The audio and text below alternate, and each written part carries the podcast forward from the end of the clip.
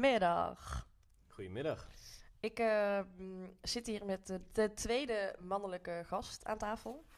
Nou, dat zijn er al bijna meer dan voor seizoen. dus eh, welkom bij aflevering 3 van eh, Janneke Tackelt Het. Nou, stel jezelf even voor. Ja, hallo, mijn naam is Jasper, eh, ook wel bekend als Cube. Ik ben een rapper, performer. Ik speel in een band, daar ben ik de vocalist. Die band heet de Maalstroom.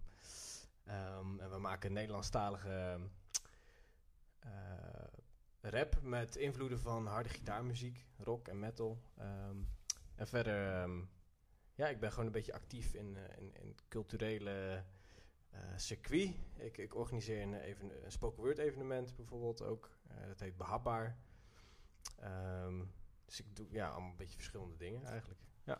En ehm, jij zit hier bij mij in de woonkamer, omdat eh, Jasmine zei, je moet hem vragen. Ja, Jasmine is de content creator voor de Conversation, voor iedereen die dat nog niet wist. Dat is het meisje met die rode haren, die superveel op mijn Instagram staat. En eh, die zei, ja, je moet hem vragen man, want jij gaat zijn muziek helemaal niet tof vinden, maar... toen dacht ik, ja Jas. Eh, en toen luisterde ik inderdaad jouw muziek en toen dacht ik, ja, dit is niet mijn ding. Maar het is wel super, super vet. Ik zou het nooit opzetten eh, op uh, vrijdagmiddag als ik de afwas aan het doen ben. Ehm, maar vooral textueel spreekt mij heel erg aan. Ja, tof. En nu ga jij uitleggen waarom dat zo is. ja, precies. That's why I'm here. Ja. Ja, nee, het is eh, tof dat je op die manier dan toch nog mensen aanspreekt. Ook al is het muzikale dan misschien niet, eh, niet helemaal je ding. Maar ehm, ehm, ja, wat kan ik daar eens over vertellen? Ja, qua tekst, de tekst is voor mij heel belangrijk in de muziek. Ehm, want daar zit de boodschap in. En ehm, ja, in, in de teksten die, die ik schrijf voor de maalstroom gaat het vaak over het overwinnen van eh, moeilijke dingen in het leven. Heel kort, simpel gezegd. Ehm, en eh, ja. Nou, dat is waarschijnlijk wat jou aanspreekt, denk Zeker, ik. Ja, ja. Want ehm, nou ja, mensen zeggen altijd, oh, hij of zij heeft een rugzakje. Oh ja, ja. En ik zeg dan altijd, ik heb een heel kofferset. Echt, met alles erop en eraan, met rolletje. En nou, je kan zich niet bedenken. Ehm, nu kan ik uit jouw teksten opmaken dat jij volgens mij ook best wel een rugzakje hebt. Ja. En ehm, mijn vraag is vooral, wat wil jij daarover kwijt? Ja, ehm, nou ja, ik zeg in mijn teksten al heel veel natuurlijk. Eh, dus dat is voor mij een hele fijne manier om, eh, om over die dingen te praten. Maar om, eh, om het nu zo te zeggen, ja, ik... ehm, eh, kijk, iedereen komt vroeg of laat, maakt, maakt moeilijke dingen mee. De ene wat, wat jonger dan de ander. Bij mij was het dat mijn moeder ziek werd toen ik, toen ik 17 was. En die is toen overleden aan een hersentumor. En ja, dat is natuurlijk eh, heel heftig. En eh, de jaren daarna kostte het gewoon moeite om daar eh, mee om te gaan. Maar ik ben wel, kijk er wel op terug met de manier van, we zijn als gezin daar wel heel, hoe zeg je dat? Goed ingegaan, denk ik. We hebben gewoon geprobeerd om het toch een plek te geven, ook al was dat heel moeilijk natuurlijk. En we hebben heel veel gehad aan, aan de mensen om ons heen, die, die ons hielpen waar ze konden eigenlijk. En, ehm, maar goed, ja, het maakt wel iets kapot natuurlijk. Dus ehm, eh, ja, soms denk je eraan of dan, ja, dan voel je je gewoon kut. En dan, dan schrijf je een tekst daarover. En dat is een beetje hoe dat voor mij dan gaat. En eh, dat hoeft het niet altijd letterlijk dat verhaal te zijn van eh, die moeder die ziek is. Die komt wel eens terug, maar hè, ik probeer het dan iets breder te trekken, zodat het ook toegankelijk wordt voor mensen die andersoortige ervaring hebben die ook traumatisch is. Of, ja. Zo. Hoe oud ben je nu? Ik ben nu 24. En ehm 17 is mega jong. Ja. Ik moet er jong. echt niet aan denken. Ik voel me bijna een soort van eh, schuldig. Want ik heb twee papa's en twee mama's. Want mijn ouders zijn uit elkaar. Ah, ja. Dus ja, ik heb een, ik heb een soort leger. Eh, van broertjes en zusjes extra en eh, noem het maar op. Ja. Ehm, wat zou je willen zeggen tegen mensen die hun ouders of ouder verloren zijn? Ehm.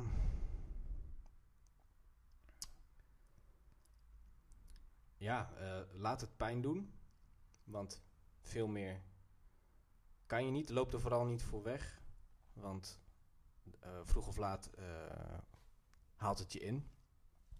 Uh, als, je, als, het, als, je, het, wegstopt, je verliest en je doet alsof het niet gebeurd is, of je probeert gewoon verder te gaan, dan, dan komt het jaren later komt het terug op manieren die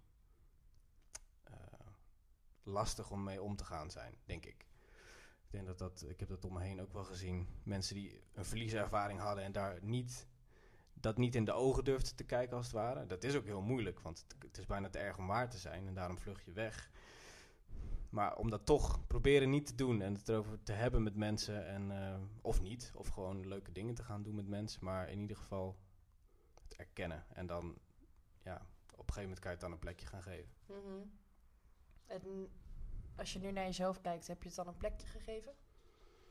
Ja, ik denk het wel.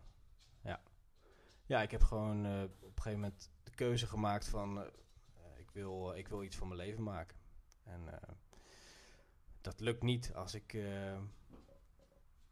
als ik blijf hangen in, in, in, ding, in het verleden, als het ware. Mm -hmm. Maar het is, een ja, het is een beetje een afweging. Hè. Je wilt natuurlijk ook je moeder gedenken en uh, dat is ook belangrijk. Maar je wilt tegelijkertijd ja, het leven aangaan weer. Mm -hmm. Dus, ja. Ja. En nou, nu zeg je al, ik wilde iets van mijn leven maken. Je vertelde net dat je bent afgestudeerd. Ja. Waaraan ben je afgestudeerd? Yes, uh, ik ben afgestudeerd aan de Rock Academie. Woe! Hier in Tilburg. Wat Woe! echt een wonder is, gewoon. Want sowieso die toelating is volgens mij echt hels. Ja, die was vet pittig. Klopt. Ik ben de eerste keer ook niet uh, toegelaten. Oh nee? Nee. En toen jij boos terug met Ik boos terug, teleurgesteld. Oh, jullie horen mijn hond op de achtergrond. Goed zo, Jip. Klimt even op de stoel. Die wil ook uh, erbij zitten. Extra mic. Die heeft volgens mij niet zo heel veel te vertellen. Nee, hè? Nee, ja, ja de Rock Academie. Um, ja, dat, dat, is nu klaar. Ik heb er vijf jaar over gedaan. Dus een jaartje extra.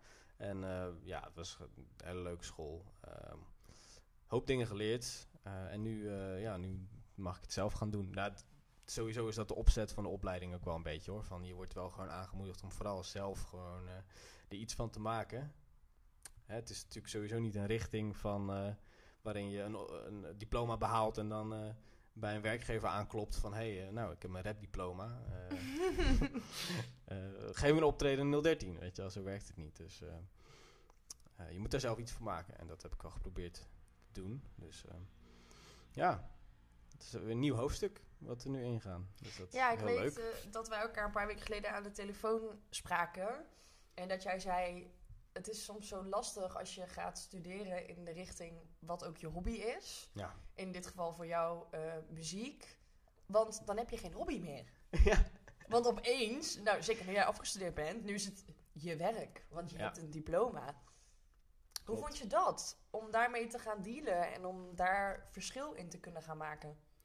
Ja, dat was uh, voor mij heel erg wennen. Omdat ik... Um uh, uh, inderdaad het ben gaan doen vanuit het idee van nou, hè, muziek vind ik leuk, uh, teksten schrijven vind ik leuk, rappen vind ik leuk. Ik wil daar iets mee doen. Ik wil niet een saaie opleiding, ik wil geen saaie baan, dus ik ga dit doen. Nou ja, ehm, en dan kom je op school en dan ga je ermee aan de slag. En jaar één was ik gewoon volledig gefocust op mijn propenduizen halen. Als je die mhm. niet haalt, word je, dan mag je niet verder. Nou ja, en was die propenduizen gehaald. En toen in jaar twee, toen, toen botste, da, eh, ja, kwam ik eh, tot die ontdekking van... Uh, ja, ik ben een beetje mijn hobby kwijt aan het raken. Want het is allemaal, nu zitten allemaal verplichtingen aan. En ik moet nu muziek gaan maken, terwijl ik helemaal geen inspiratie heb. En dat, dat moest ik heel erg aan wennen, even. En dat, dat vond ik best lastig. Maar op een gegeven moment heb ik toen een knopje kunnen omzetten in, in jaar drie ergens van... Ja, oké, er zitten verplichtingen aan, maar tegelijkertijd kan je wel doen wat je leuk vindt. Dus uh, ja, probeer dat dan maar vooral te zien. En dat mhm. is steeds beter gelukt. En nu, uh, ja. Nu heb je een nieuwe hobby. Ja. Ik heb uh, allerlei, nou, allerlei hobby's. Ik heb niet zoveel hobby's. Maar ik, ik, probeer het inderdaad nog steeds als een hobby te zien. Niet als werk.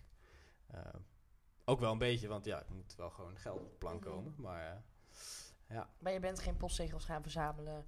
Nee. Of uh, kabouter Ik vind wel koken heel leuk. Ah. Ja. Ik weet niet of ik het echt een hobby noem, maar ja, nou, ik denk dat dat wel een hobby is trouwens. Ja. En wat is dan je lievelingsgerecht om te maken? Uh, ik hou heel erg van pasta.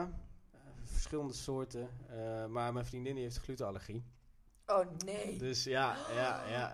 dat is met pasta heel lastig. Um, ja. ja, pasta dus. En ja, wat nog? Um, ja, gewoon Italiaans überhaupt vind ik gewoon ja, fijn om, om mee te koken. En ik heb zo'n boek van Otto Lengi. Die, Wie ja, is dat? Ja, dat is een kok die eh, die combineert een beetje Midden-Oosterse keuken, dus uh, Libanon, Israël, die omgeving, met ja, een beetje dat met een twist. Mm -hmm. Dus dan doet hij daar wel weer pasta bij of zo.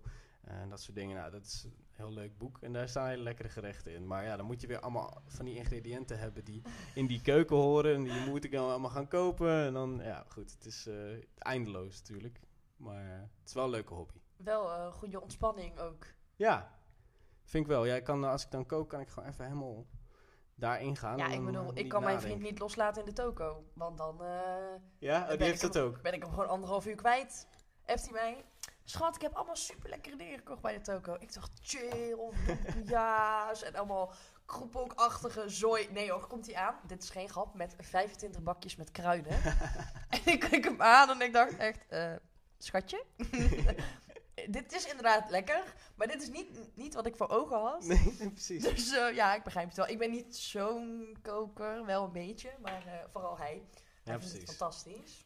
Dus jij mag wel lekker eten dan? Dat is zeker waar. Ja. En ik hou wel van lekker eten. En um, jij benoemt al met uh, muziek is hard werken. Ik wil iets van mijn leven maken. we leven in een pandemie. Ja. die we toch elke aflevering weer bespreken. Ondanks dat dat helemaal niet de bedoeling is van deze podcast. Maar helaas is corona gewoon iets wat in ons dagelijks leven nog steeds heel erg leeft en veel voorkomt. Um, vond je het een klap? Um, ja. Voor iedereen was het denk ik wel een soort van klap. Uh, de een voelt het harder dan de ander.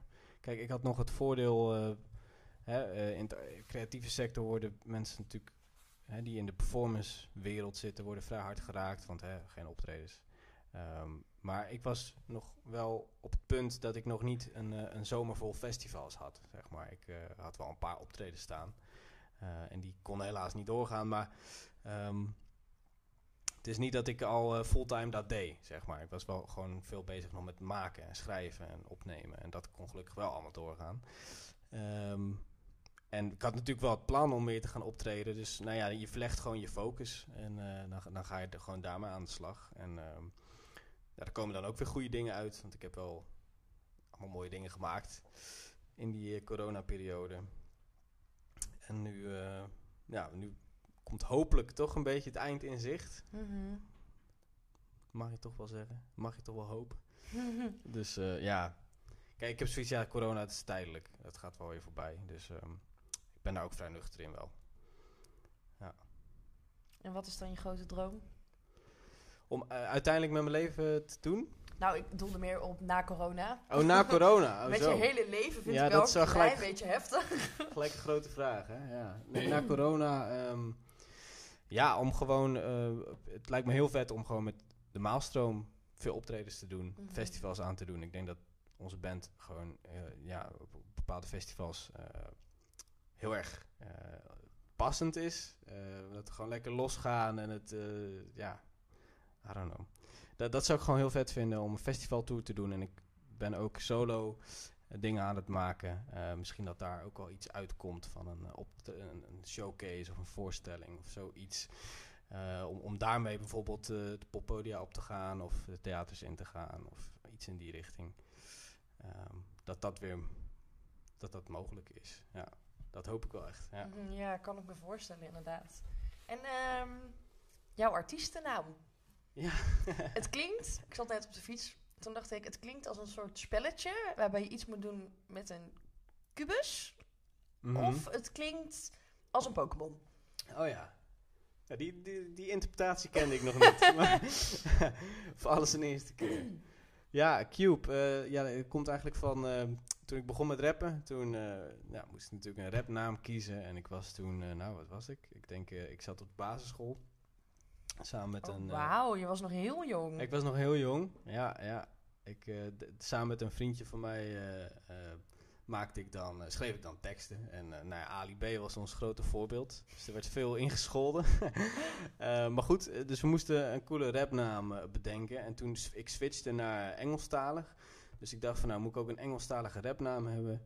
En, en afkortingen waren toen helemaal in. Dus ik dacht High Definition Quality. HDQ. Want eh, mijn raps zijn van hoge kwaliteit. Dat, had mijn kinderbrein bedacht. Dus, eh, nou ja, goed. eh, Prima, die naam. En op een gegeven moment toen ik, kreeg ik een bijnaam die daarop gebaseerd was. HD Cubaanse sigaar. HD Cubus bleef toen op een gegeven moment ook plakken. En toen dacht ik, oh ja, Cubus is eigenlijk ook wel een toffe naam of zo. Mhm. Dus heb ik de naam daarin veranderd. Maar toen werd ik erop gewezen door iemand van... hé, maar weet je wel, die producer, Cubus... die ook met, eh, met Rico en Stix dingen heeft gedaan en zo. En toen dacht ik, oh ja, fuck, ja, ik kan niet dezelfde naam hebben als die gast. dus nou, oké, dan gaan we naar het Engels. Dan wordt het Cube. ja. En eh, ja, dan wel met de Q, hè, want het moet wel even wat anders zijn. Het moet wel een Mhm. beetje cool zijn. C, dat is te basic. En eh, jij noemt Rico en Stix. Ja. Rico die ik toevallig een paar weken geleden heb gezien op Deadstock. Hm. Stix die ik Vet. fantastisch vind. Naar, vooral naar zijn ehm, naar de optreden, deelname in ehm, dat programma met al die moeilijk opvoedbare kinderen. Die hem, eh, Ah. ja, noem het maar. Ik, ja, het klinkt bekend, maar ik, weet, ik zou niet zo de, Ik ga nu mijn broertje weten. aankijken. Die weet het ook niet. Ik kom hierop terug, jongens.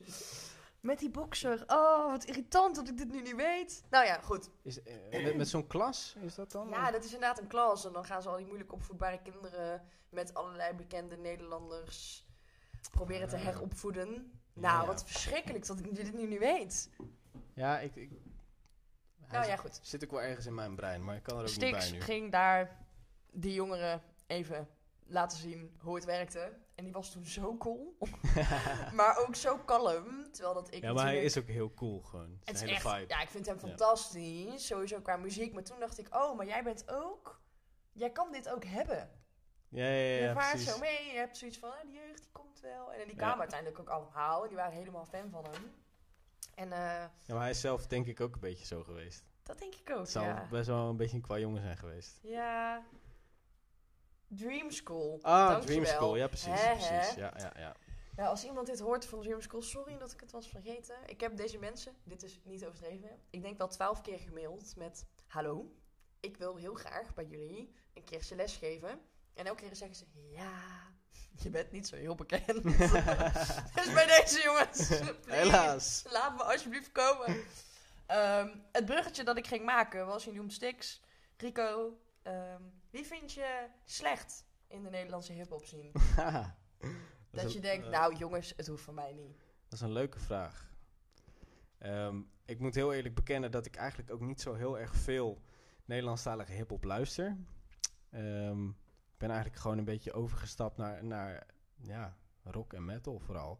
Maar wie, wie vind ik in Nederland echt slecht? Nou, ik weet wel toen, eh toen Famke Louise begon, vond ik dat wel echt eh, verschrikkelijk. en, eh, maar goed, eh, en toen zag ik hoeveel haat zij over zich heen kreeg en zo. En toen werd het ook heel vaak persoonlijk. Dan ging het ook over haar uiterlijk en zo. En toen dacht ik van ja jongens, dat is een beetje flauw. Kijk, ik was ook heel fel op haar rap skills. Oftewel, die waren er niet in mijn ogen, zeg maar. En daar mag je iemand wel op kritiseren, vind ik. Maar ja, het moet niet persoonlijk worden. Dus dat vond ik niet zo leuk. Maar puur op het gebied van skills vind ik haar echt, echt nog steeds heel erg super wack eigenlijk. Ehm, wie hebben we nog meer? Ik vond de Leeuw Kleine ook altijd heel basic. Zeker in het begin. Ik vind hem tegenwoordig wel wat beter. Want hij is wel gewoon, ja, ik bedoel, hij, hij doet het wel gewoon. En hij heeft wel een bepaald charisma en zo. Maar gewoon puur technisch, ja, vind ik het nog steeds niet heel spannend. Iemand die ik wel goed vind is bijvoorbeeld Fresco. Mhm.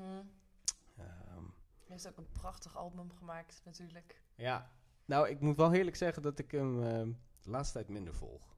Ik was vroeger meer fan. Dus Mhm. ik zou eigenlijk geen één liedje kunnen noemen van zijn laatste album. Maar, eh, oh ja, Typhoon vond ik ook vet. Ja.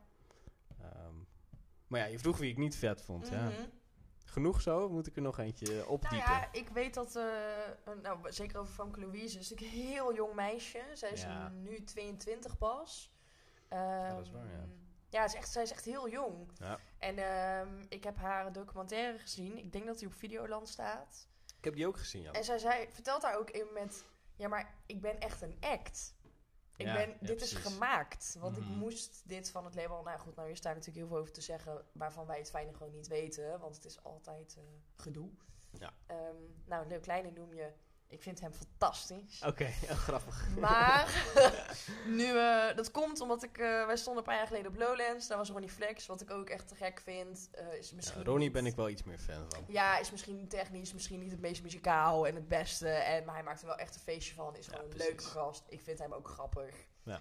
Denk, ach, en toen hij echt nog een boefje was, de hele dag jonko's roken. Ja, ik ga stuk. Ik vind dat fantastisch. En toen ging Lo Kleine zijn tour in nou ja, de, de, kaartjes gingen zeg maar in verkoop. En die kosten echt, echt een rol. Ik denk dat die 12 euro kosten. Oh, wow. wij scheid, wij kopen gewoon een kaartje voor een heel kleine. Dat was in de 013, hier in Tilburg. En uh, dat leek een beetje op Bieber, man. Oh, echt waar, ja? Dat was zo gemaakt, maar daardoor wel heel erg leuk om dat een keer gezien te hebben. En, uh, maar ook Bieber als in gillende meisjes heel veel? Ja, ja, ja, en ook qua visuals en zo. Het was helemaal Amerikaans. Oh ja. Dus toen dacht ik, hmm, vind ik dit vet? Uh, nou, nu is het natuurlijk rondom Leeuw Klein heel veel uh, met geweld op het moment. Oh ja, ja. Tenminste, wat we daar ook van weten. Als je ja. het boulevard volgt, ja, als je daar alles van moet geloven, weet ik ook niet precies. Maar over het rap-imago hangt best wel wat geweld, drugsgebruik, ja. drank, vrouwen, seks, noem het maar op. Nu zit jij hier tegenover mij, mensen zien dat natuurlijk niet en dan denk ik. Ja. Je, kookt voor je vriendin met een glutenallergie. Volgens mij valt dat uh, leven wel mee.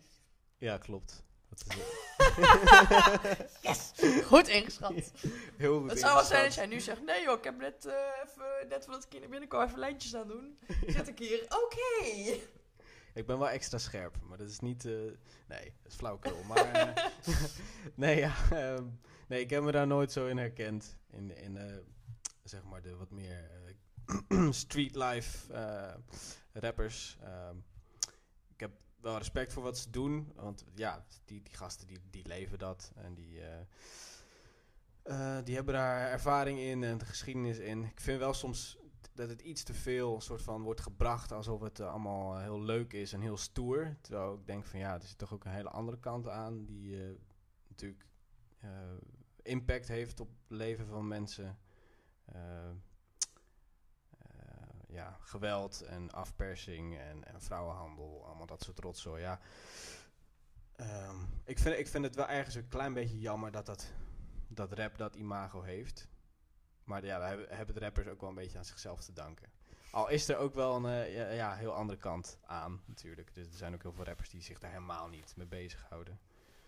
Um, en ja, die trekken mijn aandacht dan ook wat meer. Mm wat vind je bijvoorbeeld van uh, Snelle? Snelle, ja. Ehm, nou, ik vind dat hij het supergoed doet sowieso. Echt gewoon heel veel respect voor hoe alles wat hij aanraakt gewoon goud wordt, zeg maar. Mhm. Dat is echt wel knap. Ehm, en uh, ik heb ook zijn documentaire gezien en ik vond... Uh, ja, het is gewoon een hele sympathieke jongen die gewoon zijn droom is gaan leven. Dus ja, daar heb ik respect voor. Ik, het is niet helemaal mijn ding. Het is, het is, ik, ik vind iets te zoetsappig en iets te poppy. En ja, het, raakt mij niet of zo. Maar ik vind wel, hij doet het echt goed. Hij, hij kan zingen, hij kan, uh, ja, muzikaal inzicht. Um, ja, hij is dan inderdaad, ik snap wel dat je hem noemt, het totaal ander gezicht weer van die uh, rapcultuur. En daarnaast heeft Snelle ook best wel een omslag gemaakt. Als je zijn 101 bars luistert. Ja, dat is een stuk stoerder nog, hè? Ja, en wat, je nu, wat hij nu maakt met Suzanne en Freek. Wat ja, precies. Love it.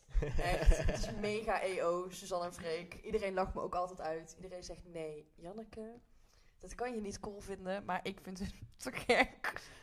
Ik zou hun wel graag willen uitnodigen voor mijn podcast. Ehm, maar ik vond het jammer van Snelle. Oké. Want ik dacht, oh, die juist omdat de echte, nou ja, de echte rappers, de echt harde raps zoals Hef en Kevin en mhm. vind ik wel tof maar ik ben wel een meisje. Ja, dus dat iets zachtere vind ik toch leuker. Dus in snelle herkende ik me ook wel. Ja, en toen ging die opeens helemaal de andere kant op. Toen dacht ik, ja, maar dit is geen hip-hop meer. Je bent gewoon pop. Wat goed is. Ja. Nee, klopt. Hij heeft best wel een radicale switch gemaakt, ja. Mhm. Ja, nee, als hij nog wat meer in die hip-hop hoek zat, dan zou ik hem denk ik ook nog wel luisteren. Maar, maar nu luister ik hem niet. Wat is je laatst beluisterde artiest? Moet ik even mijn, uh, mijn telefoon erbij pakken. even mijn Spotify. Ik, ik, ik, like gewoon altijd heel veel liedjes en dan zet ik gewoon, ga ik gewoon bovenaan afspelen en dan gaat alles weer naar beneden. Dus dan heb je alles door elkaar. Dan gaat het van uh, singer-songwriter naar, uh, naar death metal, naar hip-hop. Oh, volgens mij, even kijken hoor. ik had mijn internet uitstaan, maar die gaat nu aan. Come on, come on, come on. Oh, um, Check My Brain van Alice in Chains. Hmm. Ik was uh, serie aan het kijken, Californication. je kent hem? Ja, zeker. En toen kwam deze langs. Ik dacht, oh, die moet ik shazammen. Ik herken al wel van, oh, dit is Alice in Chains. Maar ik kende dit liedje niet. Het is wat nieuwer. Mm En ja, een mooi liedje. Kijk je veel series? Iets te veel, eigenlijk. Oh, echt? ja. Wat moeten we zien? Ja, uh, ik vind uh, Penny Dreadful heel erg goed. Uh, staat helaas niet meer op Netflix. Dus ik heb hier ergens een beetje illegaal online zitten kijken. dat doen wij nou nooit. Ik, hoop dat ik geen, geen virus heb. maar, um, nou ja, mijn, mijn vader, onze vader. Ik bedoel, mijn broertje zit hier achter natuurlijk. Die was politieagent, net met pensioen. En die heeft vroeger, toen ik heel klein was, ooit gezegd... Janneke, als je een film downloadt, dan ga je naar de gevangenis. en hij is helemaal niet zo intimiderend en streng en helemaal niet. Maar dat zit in mijn hoofd. een soort van ingeprent. Waardoor als ik nu iets kijk op het internet, dat ik dan denk, oh nee, ze komen me halen. Shit. Ja, maar in sommige landen is dat ook zo, dacht ik. Ja, maar goed, hier in Nederland. Ja, hier niet. nee joh, ze komen echt niet halen hoor, in mijn fletje hier in Tilburg. Nee, dat geloof ik ook niet. nee, En wat kijk je nog meer? Um, ik, uh, ja, Californication dus, die vind ik gewoon heel leuk. gaat over een schrijver in L.A. die um, uh, ja, heel veel moeite heeft om zijn, uh, zijn eigenlijk zijn lul in zijn broek te houden. Hij neukt erop los en ja, veroorzaakt allerlei problemen voor zichzelf en voor zijn familie, van wie hij dan wel heel veel houdt. dus het is allemaal heel ingewikkeld en dramatisch. En het romantiseert heel erg dat leven van seks, drugs en rock'n'roll. Zo. Dus uh, dat vind ik wel leuk. Ja, en Penny Dreadful vind ik dus... Ik weet niet of je dat kent. Nee. ja, dat is echt fantastisch. Het is uh, in het uh, Victoriaans Londen, dus laat 19e eeuw. daar worden eigenlijk alle bekende horror-klassiekers worden verwerkt in één serie. Oh, wat cool. Dus je hebt Frankenstein, je hebt... ja, dat is dan geen horror, maar wel ook klassieke Dorian Gray. je hebt een weerwolf komt erin voor en ja, het klinkt super absurd. En dat is het ook, maar de, de characters zijn super goed. De aankleding is super goed. Het, plot is heel erg goed. Uh, alles klopt gewoon. Ik, ja, het is echt super uh, meeslepend en daar hou ik van. Uh, ja, dus dat is echt een aanrader. Penny Dreadful. Heb je ooit acteren geambieerd? Nou, het lijkt me wel leuk om, eens, om, om misschien eens een keer iets in te proberen of zo. Maar kijk, ja, wat, wat ik doe met spoken word is al een beetje die richting op misschien. Dat je dan uh, ook op het podium staat en je draagt een tekst voor. En soms dan spring je ook in een bepaalde rol. Want je, je probeert iets op een bepaalde manier over te brengen. Dus dat is ook een soort acteren. Maar echt in een film of in een toneelstuk, dat, uh, ja, dat heb ik nog nooit gedaan. Maar wie weet, het zou me wel een hele leuke uitdaging lijken. Ik denk wel dat ik het kan als ik uh, les neem en zo. En daar helemaal voor zou gaan. Maar dat kost natuurlijk ook een hoop tijd. Maar ja, wie weet, ooit. en ehm, je noemde daar straks ook al theater, wat ik heel cool vind. Uh, omdat ik veel muzikanten spreek die echt heel erg gericht zijn op de poppodia en de festivals. En jij zegt, nou, misschien wil ik wel gewoon een theatertour doen. Ja. Hoe zie je dat voor je? Heb je daar een soort van ideaalbeeld van? Met ook, ik zie mezelf zitten achter een piano. Ik weet niet of piano kan spelen. Nee, niet, ah, niet noemenswaardig. Nou. Nee. helaas, helaas. Hoe zie je jezelf dan zitten en dan tussendoor verhaaltjes vertellen? Of hoe moet ik dat voor me zien? Nou, ik, uh, ik, ik, heb nog niet een super ver uitgedacht project of wat dan ook. Maar ik, het lijkt me wel heel tof om, uh, om gewoon een soort van uh, voorstelling te maken. Gewoon een soort one-man show waarin je gewoon waar, waarin ik wat spoken word pieces laat horen, maar ook gewoon tracks en met muziek erbij. En inderdaad, soms gewoon tussendoor een verhaaltje vertellen aan het publiek en dan weer heel diep in een tekst duiken of ehm, met live muziek erbij. Zo, zoiets lijkt me heel tof. Ehm, maar ja, goed, het is nog allemaal heel ruw. En mhm. Het is meer een soort idee wat ik in mijn hoofd heb. Uh, het is goed toch, om je ergens aan vast te houden? Ja, nee, vind ik wel. Vind ik wel. Ja, ik had laatst een liedje geschreven dat echt een hele mooie crossover was tussen uh, rap en spoken word. En dan met vage, rare instrumentatie op de achtergrond. Dacht oh, dit is wel echt vet. Dit zou best wel in een theater kunnen, denk ik. Um, ja. Dus nou ja, wie weet. Uh, dat is nog om te ontdekken. En ik doe ook uh, met, uh, via school doe ik mee aan een voorstelling Kingdom of Pop. Dat gaat over de popgeschiedenis. En dat, ja, dan ben ik een beetje de gastheer. Dus ik vertel gewoon van nou, we gaan nu dit liedje doen en deze context daarbij. En ja, dat is super tof. Die hadden we eigenlijk afgelopen jaar.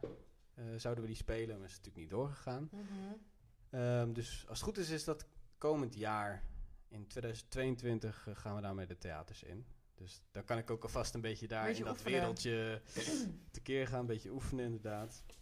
Dus, uh, nou ja. ja. En uh, vertel eens iets over je band.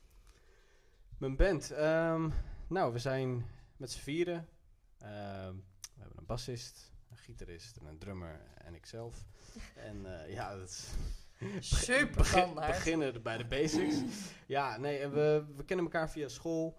We zijn uh, gewoon op school gaan repeteren. En uh, voor, voor mij, mijn showcase eigenlijk ergens naartoe gaan werken. Maar toen besloten we van, nou, dit is eigenlijk heel vet. Laten we dit blijven doen.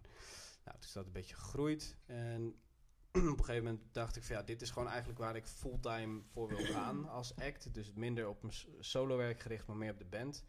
Uh, en toen zijn we ja, verder liedjes gaan afmaken, opnemen. Toen hebben we een EP uitgebracht in mei. Uh, de Kluizenaar EP. Uh, eh, mooie reacties op gehad. natuurlijk eindeloos veel gedeeld en, en zo. En daar geprobeerd zoveel mogelijk mensen mee te bereiken. En er stonden er ook wel een paar optredens gepland. Maar ja, dat ging allemaal dus niet door. Um, maar nu ja, hebben we eventjes rust vakantie. En dan wanneer de school weer begint, dan, uh, dan gaan we weer eh, de, de, de, de, repetitieruimte in. En dan gaan we nieuw materiaal maken. En dan gaan we oefenen. En dan gaan we weer shit opnemen. En dan gaan we weer uitbrengen. En dan hopelijk wel shows doen. Um, en ja, dat is een beetje mijn main ding. Al ligt het nu dan dus even een klein beetje stil. Maar dat komt wel weer. Ja. Zijn het je beste vrienden? Um, het, zijn, het zijn zeker vrienden. Ik weet niet of het mijn allerbeste vrienden zijn. Ik heb ook niet een lijstje. Maar uh, jij staat op één. Ja, nee. Um, altijd als we samen zijn, dan is het gewoon goed. Is het gewoon gezellig. Geen, uh, altijd een goede sfeer. Nooit, nooit ge, geen onzin. Geen uh, wrijvingen. Geen, geen ruzie. Het zijn allemaal hele verschillende types eigenlijk. Maar passen toch heel goed samen in zo'n in zo'n groep. Dus dat is wel heel leuk. Dat is ook nog maar inschatten natuurlijk. Je zet gewoon random mensen bij elkaar die elkaar niet zo heel goed kunnen. Maar ja, je hebt ze gewoon nodig voor je showcase. Ja, gaat dat dan goed? Nou, bij ons leverde dat een hele leuke chemistry op eigenlijk. En uh, we doen buitenom bandactiviteiten, zeg maar, doen we ook wel eens wat drinken of zo. Of dan kook ik. Dan komen ze bij mij langs. Biertje drinken, pasta eten. Dat moeten we binnenkort weer eens doen, nu ik erover nadenk. Dat is te lang geleden. Dus uh, ja, het is altijd gezellig. Ja, een van mijn um, allerliefste vriendinnetjes. Die kan heel mooi zingen. En uh, die heeft ook een band. En die zegt, uh, het is meer familie. Ah, dan dat we vrienden zijn. Omdat je mm. ook soms wel eens het niet eens bent met elkaar. En je dat ook moet kunnen uiten. En nu is het natuurlijk wel zo ik hoor mijn hond op de achtergrond. Die is een beu. Ik wil niet meer stil zijn. Um, zij zegt ook wel eens van... Uh, uh, het is familie ook omdat je iets meemaakt... wat andere mensen niet snappen. Ja, ja. ja. Ik bedoel, ik heb echt wel eens op een podium gestaan... maar dat is totaal anders dan wat jij doet. Nou ja, het inderdaad... Ja, je werkt dan toch... Je werkt heel erg samen aan, aan dat ding of zo. En dat bandje en... Um, ja dat, is, dat is zeker wel bijzonder. Dat vind ik ook wel. kijk, we kennen elkaar allemaal nog niet super lang. Dus om het, om het een familie te noemen is misschien wat snel. Maar ja, ik hoop gewoon dat we kunnen doorgaan op deze weg. En dan over een paar jaar dan ja, we hebben een keer... Kijk, als je een keer, weet ik veel, een tour hebt gedaan of zo... Ja, dan ben je natuurlijk helemaal... Ben je dagenlang achter elkaar samen. Nou, dan leer je elkaar zo goed kennen en dan gaat dat heel snel. Maar ja, wij hebben dat proces dus nog niet helemaal gehad. Maar, maar ik zie dat zeker wel voor me met deze gasten. Dus uh, ik hoop dat dat gebeurt. Zo fijn. Ja, zeker. Zeker. Wanneer ben je op je allerkwetsbaarst? Um, nou, dat is een moeilijke vraag. Um, kan, jij niet, uh, kan jij niet eerst gaan? Uh, wanneer ben ik op mijn kwetsbaar? Ja, dat je de vraag opdraait en dan um, heb je even een ehm, beeld van, uh, nou, waar, waar, kan ik uit kiezen, zeg maar. Ik denk voor mij... Uh, nou ja, sowieso als ik mijn verhaal ergens deel... En dan moet ik zeggen dat ik het minder heb op grote evenementen of voor grote groepen dan bijvoorbeeld voor uh, middelbare schoolklassen. Uh, dan ben ik heel kwetsbaar. Voor brugklassers bijvoorbeeld. Oh ja, die zijn twaalf. Die vragen alles. Die hebben overal scheid aan ook. Die denken, ik zie haar nooit meer. Ik kan nu alles vragen. Dan ben je heel kwetsbaar, omdat ze zo eerlijk zijn. Uh, ik ben ook heel kwetsbaar naar cliënten bijvoorbeeld. Van mijn stage van het afgelopen jaar als ik daar maar verhaal deelde, ik wist hun verhaal ook. Dus ik wist heel goed wat ik wel en niet kon vertellen en wat ik wel en niet kon raken. Ehm, waardoor dat een wisselwerking werd. Waardoor je zelf ook kwetsbaar wordt. Normaal als je mijn verhaal deel op een evenement, dan staan er 140 man voor mijn neus. Ja. En dan krijg je geen letterlijke reactie. Die krijg je pas later en meestal zijn die allemaal positief. Maar als je echt één op één zit met iemand waarvan je weet dat diegene het lastig heeft in het leven, dan ben ik op mijn kwetsbaarst. Want diegene die tegenover mij zit ook. Ja, ja precies. Ja, ik, dat snap ik wel, ja. Want dan is het natuurlijk uh, heel veel intiemer dan... Kijk, ja, als je voor, voor, voor, meer mensen staat, dan kan je ook een beetje verliezen in de, in de menigte misschien, stel ik me voor. Ja, en ik denk ook dat um, een klas van 25 leerlingen of een groep van 150 man 150 man gaat positief reageren als er twee mensen enthousiast zijn. Ja. Want die gaan daarin mee. En die gaan mee in het, oh vet dat ze de verhaal deelde, vet. En als jij met 25 leerlingen in de klas zit die elkaar door en door kennen... En de een zegt, oh, ik vind het wel cool en de ander vindt het niet cool. Die durft veel eerlijker te zeggen, ik vind jou niet cool. Ja. ja niet dat ik het al leuk vind. nee, nee, nee, precies. maar die zijn veel eerlijker. Die zijn veel meer straight to the point. Terwijl het in een groep, dat zie je natuurlijk ook op social media... Um, ik krijg veel meer haatreacties van accounts die ik niet ken of die ja, fake zijn, zeg maar, tussen haakjes, dan van mensen die ik wel ken. Ja. Want die vinden het allemaal. Ja, ja, precies. Ja, ja, ja. Ja. Nee, ja ik, ja. ik denk dat voor mij een beetje hetzelfde is. Ik geef ook wel eens lessen op, uh, op scholen en dan, uh, ja, kinderen zijn inderdaad heel eerlijk en dan, uh, dan voel je ze zo kijken naar je en dan soms was ik ook even kwijt van nou, welke opdracht gingen we nou precies doen. Of dan deed ik iets voor, maar dan ging het niet goed of zo. Ik geef bijvoorbeeld ook workshops over spoken word. En dan moest ik, eh, de opdracht was dan lees een tekst voor. Uh, je tekst voor in vanuit een bepaalde emotie. Nou moet iedereen een emotie pakken en dan die tekst voordragen. Maar dat is best wel moeilijk. Uh, zeker voor, voor kids van, van 13 of 14. En toen moest ik het zelf doen. en toen ging het dus ook helemaal niet zo goed. En toen voelde ik me ook heel kwetsbaar. Ik dacht van oei. Uh, ja. Maar op het podium heb ik het ook niet. Dan voel ik me juist echt untouchable, zeg maar. Dan uh, ben ik juist helemaal niet kwetsbaar. Ja. Ja, het is gek eigenlijk. Ja, ja, maar, maar als ik een optreden doe met, met de band, dan heb ik die gasten achter me die kaart staan te spelen. ja. Het scheelt ook. Als je uh, eentje op het podium staat en ik doe spoken word optreden, dan is het ook veel uh, naakter, zeg maar. Dan heb je alleen je stem en je, en je presence en daar moet je het mee doen. En dan, nou ja, dat, dat, weet, dat weet je ook. Dat is, uh... Ja, ik sta ook veel liever met z'n allen op ja, podium dat, dan in mijn dat kan ik me best voorstellen, ja. ja. En ook, zeker met de conversation, dan ben je altijd natuurlijk met een team. Uh, dus ook als ik daar in mijn eentje op het podium sta, weet ik dat er nog, weet ik veel, tien man achter me staat. Ja. als ik voor de klas sta, ben ik altijd alleen. Ja. Ik ga daar ook alleen heen. En dan ja, zijn er van die leraren die zeggen... Oh, je mag in de lerarenkamer. Daar pas ik helemaal niet. Zet ik daar met mijn kopje koffie, wat helemaal niet matcht. Ja, dat is wel, is wel heel gek. Dat is ook wel gek om te doen. En ik denk dat ik ook heel kwetsbaar ben op social media. Ik wilde inderdaad de vraag aan jou stellen met... Oh, je bent de laatste tijd heel erg stil. Terwijl dat je toen de EP net uit was echt super veel deelde. En dat het alleen maar voorbij kwam dat ik dacht... Ja, vet, lekker uphypen. nu ben je stil, je geeft aan... Uh, we hebben vakantie met de band. Ja. Maar jij post het zelf ook heel weinig. Klopt. Ik, uh, eigenlijk zou ik daar wat meer aan moeten doen. Maar ik van wie? Uh, nou, van, van mezelf. Um, omdat ik weet van ja, als je het niet bijhoudt, in social media, dan, ja, dan zak je volgers gewoon. En ja, um, en ik wil gewoon natuurlijk mijn bereik steeds verder laten groeien. Maar ik, ja, kijk, als je een project hebt, zoals een EP, dan uh, is het gewoon van, nou ja, dan ga je gewoon bedenken welke content je plaatst. En dan ga je die plaatsen wanneer het tijd is. Je maakt een schemaatje en zo. Maar ja, wanneer je niet daar heel concreet mee bezig bent, maar meer gewoon met andere dingen, dan dan vind ik dat heel moeilijk. En ik heb er ook helemaal geen zin in, eigenlijk. dan moet ik weer een foto delen en moet daar weer iets grappigs bij zetten. Of dan denk ik, ja, man, oh, gezeik.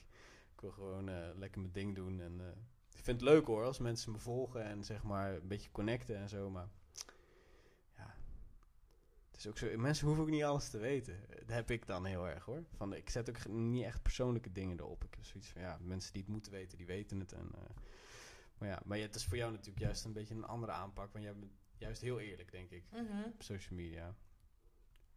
Dat is, dat is ook een manier. Ja, ik ben misschien soms te eerlijk. Ja. Nou ja, dan ben je, ik snap wel wat je zegt, dat je dan kwetsbaar bent, ja. Ja, maar ook dat ik wel eens ehm, berichten krijg van vriendinnetjes.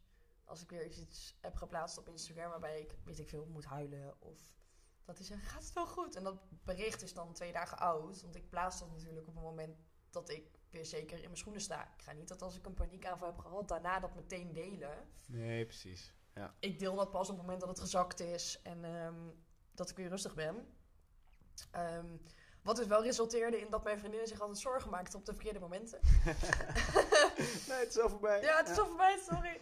Um, en daar heb ik wel van geleerd. Om dan juist op dat soort momenten gewoon met de mensen te zijn die dichtbij me staan. En het daarna pas te delen, omdat ik vind dat het gedeeld moet worden. Ja. En ehm, dat is wel een keuze die ik gemaakt heb.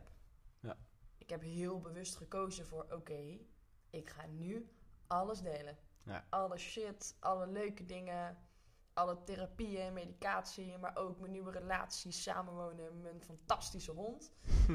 en ik denk dat um, ik kreeg een paar weken geleden toevallig terug van iemand met: uh, Ja, jij bent heftig, man.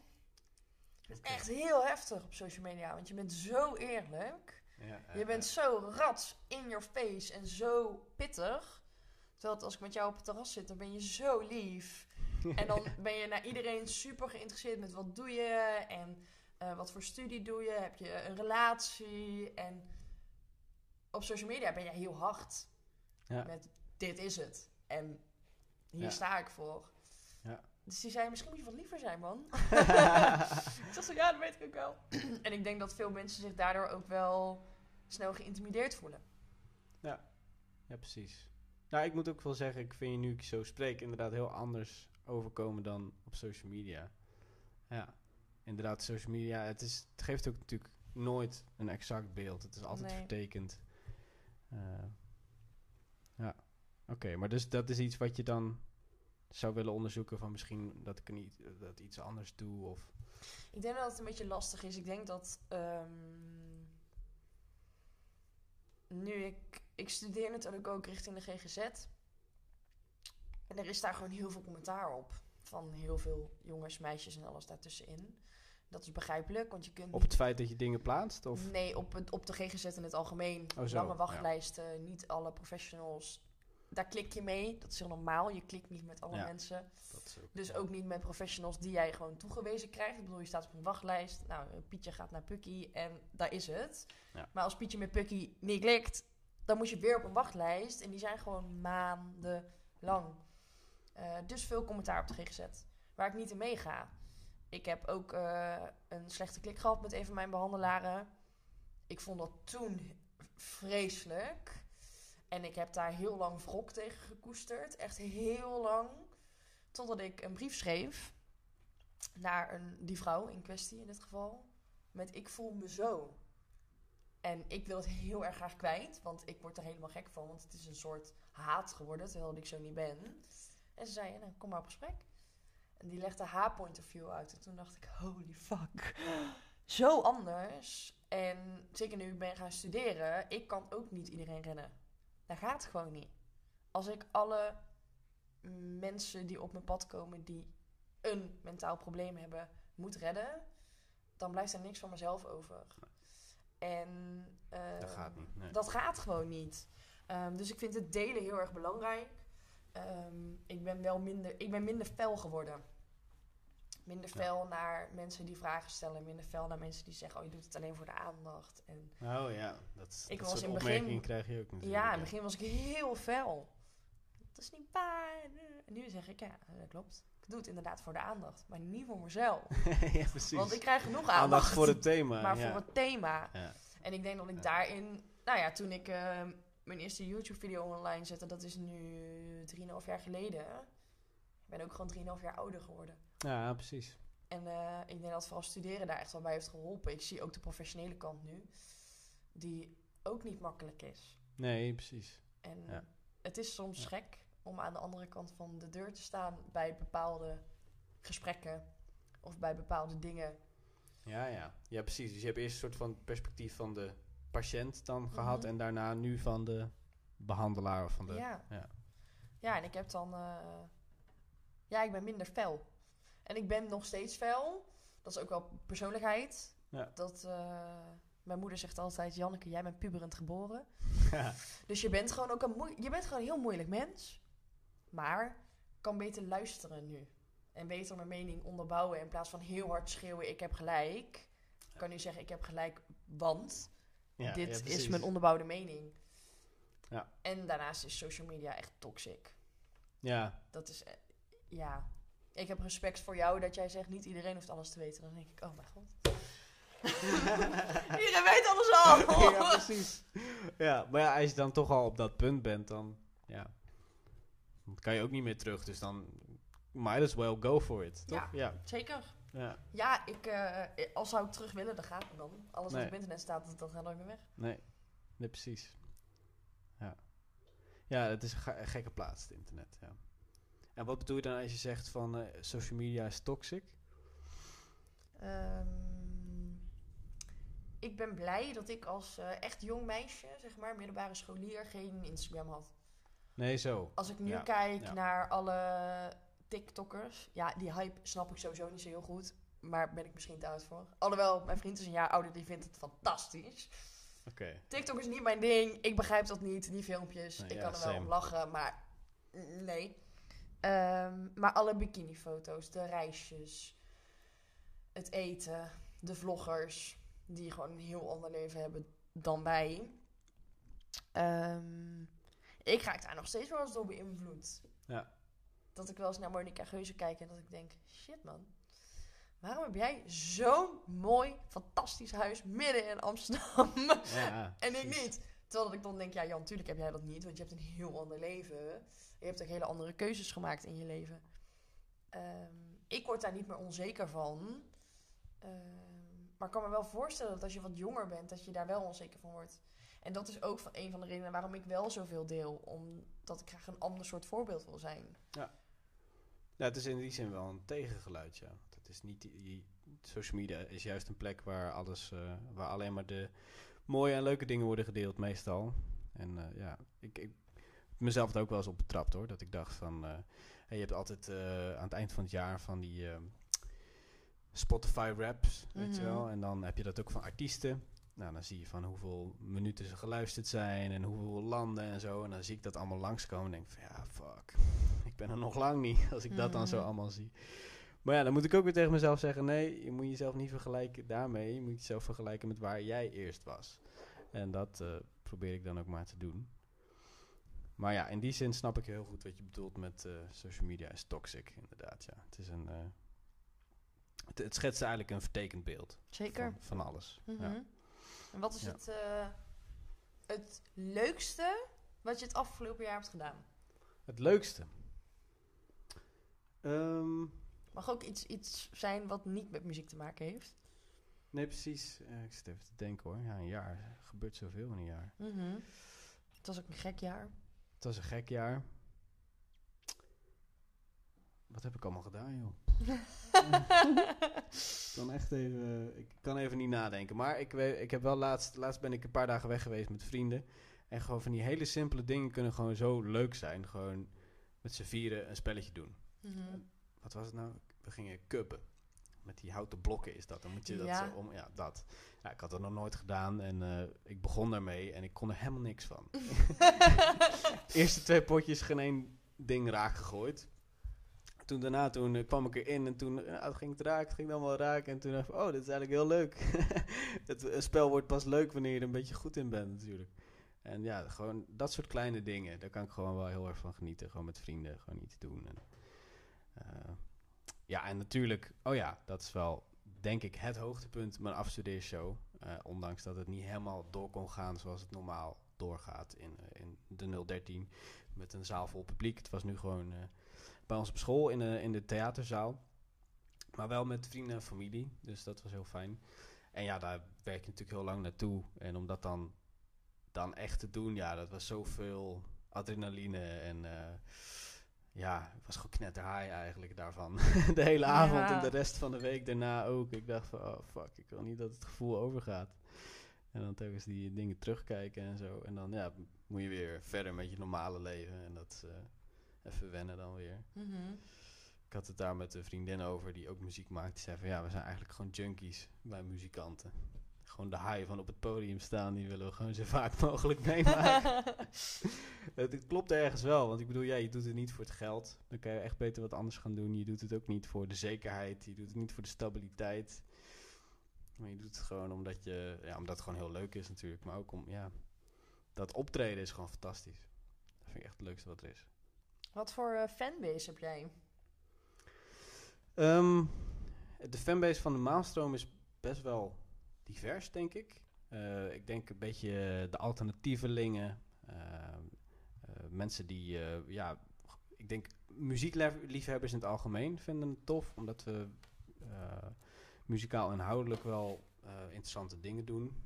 Al zeg ik het zelf. um, en het, ja, het is natuurlijk wel een originele mix van stijlen. Dus ik denk dat dat bepaalde mensen wel aantrekt we hebben ook denk ik wel wat mensen wat meer juist uit de hip-hop hoek, die misschien niet zoveel hebben met de metal. Al denk ik dat we meer metal liefhebbers hebben die iets die rap wel oké okay vinden, dan dat we rap liefhebbers hebben die rock wel oké okay vinden, mm -hmm. zeg maar. Uh, en ja, het is moeilijk te zeggen, ja, de, de fanbase, ja, ik heb ze nog weinig gezien, dus. Eigenlijk Ja. alleen via social media, dus ik, ik weet wel van, oh ja, die reageert altijd, of ik stuur dit door en dan krijg ik van hem of haar altijd een goede reactie. Uh, maar ja, het is heel divers. Bijvoorbeeld Jasmine, uh, ja, is een bepaald type of zo. Uh, maar je hebt ook ja, gasten die met, met emo haar, groen en dingen. het, gaat alle kanten op. Dus ja, ik kan niet wachten om ze een keer in het echt te zien allemaal. Mhm. Ja. En um, is je familie je grootste fanbase? Nou, toen ik mijn afstudeershow deed, was mijn pa wel heel trots. Dat zag ik aan hem. Uh, en um, ja, die, die, uh, toen was ik een paar dagen later in Middelburg. Daar kom ik vandaan. Daar, daar woont mijn vader nog steeds mijn broertje.